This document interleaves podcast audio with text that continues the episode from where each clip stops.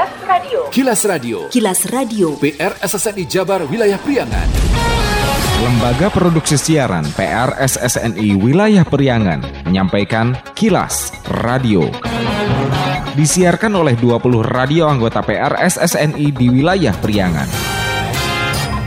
Inilah Kilas Radio bersama saya Didon Nurdani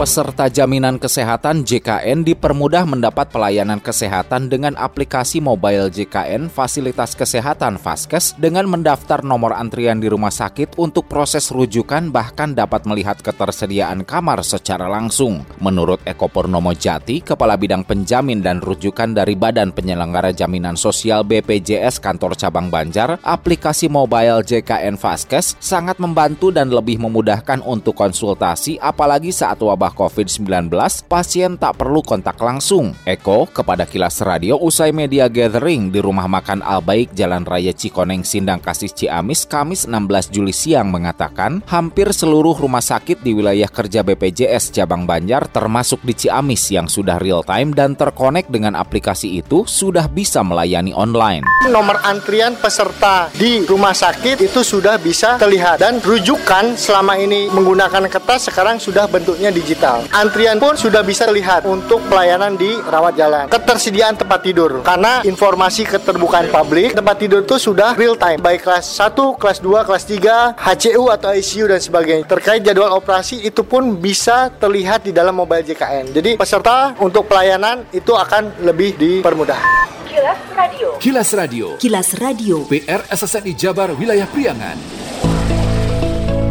Sekian Kilas Radio. Saya Dido Nurdani. Salam PR SSNI. Kilas, Kilas. Radio.